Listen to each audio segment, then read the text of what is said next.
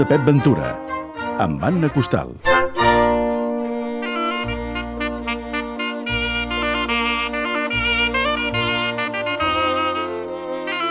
Anna, bon dia. Hola, bon dia.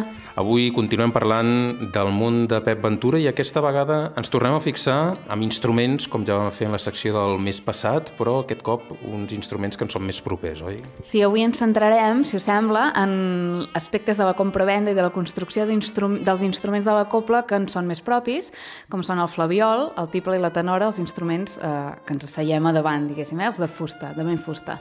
Com bé deies, en el capítol anterior del món de Pep Ventura vam parlar d'algunes patents d'instruments instruments de metall com el buxen, el fiscorn, l'oficleide, que havien format part de la copla i alguns continuen com el fiscorn, amb unes patents eh, que arribaven via Perpinyà o via Barcelona des de països com França, evidentment, o com eh, Itàlia. En el cas de flaviols, tibles i tenores, en canvi, segurament eh, podem imaginar que eren uns instruments de construcció més artesanal, més rudimentaris, fins i tot mal afinats, més rudes, no? D'alguna manera potser tenim aquesta imatge dels instruments tradicionals com a no tan perfeccionats. Doncs bé, eh, al segle XIX no era ben bé així, eh, justament el contrari. I ens podem fixar en dos lutiers eh, bastant importants que vivien a Perpinyà tots dos. Un era Pere Brisillac i l'altre era Andreu Turon. Andreu Turon també n'hem parlat, òbviament, perquè és el constructor de la mítica tenora d'en Pep Ventura. A més a més, n'hi havia d'altres de constructors de flaviols, eh, tibles i tenores, a Perpinyà mateix, o fins i tot a França, és a dir, no només Catalunya del Nord, sinó al nord de París, com Núria Bonet ha explicat eh, en diverses eh, revistes i articles, per exemple, la fàbrica a Tibouville, al nord de París, que això és un tema apassionant. Però bé, centrem-nos en en Brisillac i en en Turon i eh, veurem que tots dos eh, tenien una competència descomunal entre ells i havien tingut fins i tot botiga en el mateix carrer de Perpinyà, en el carrer de la Cloix d'Or, de la Campana d'Or, a la dècada de 1850.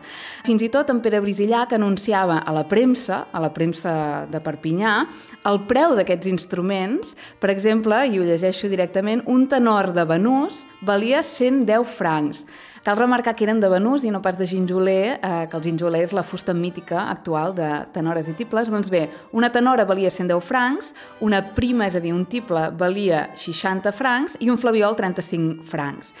Aquests dos lutiers tenien tanta i tanta competència que s'havien d'anunciar a la premsa, ens hem d'imaginar passejar, ara m'ho invento una mica, però passejar per aquell carrer i veure unes vitrines amb tenores i tibles, que potser imaginem que no era així, que la gent anava, els músics un per un, en el lutier, a la botigueta o la rere botiga, no, no, s'anunciaven aquest tipus d'instrument i això vol dir que hi havia una oferta i una demanda bastant important.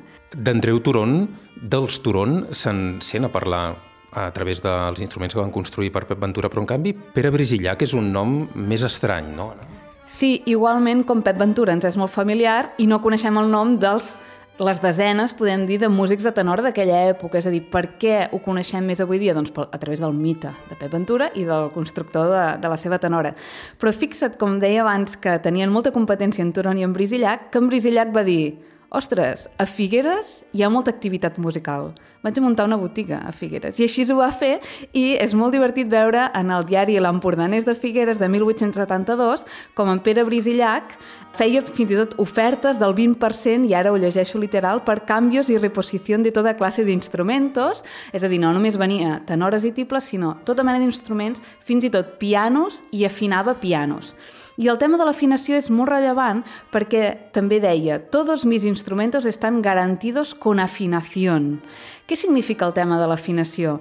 Molt probablement tots dos lutiers es disputaven el monopoli dels instruments ben afinats. I què significa ben afinats a l'època? Doncs afinats en un número de vibracions per segon. Ara la majoria d'instruments estan afinats a 440 o 442. Eh?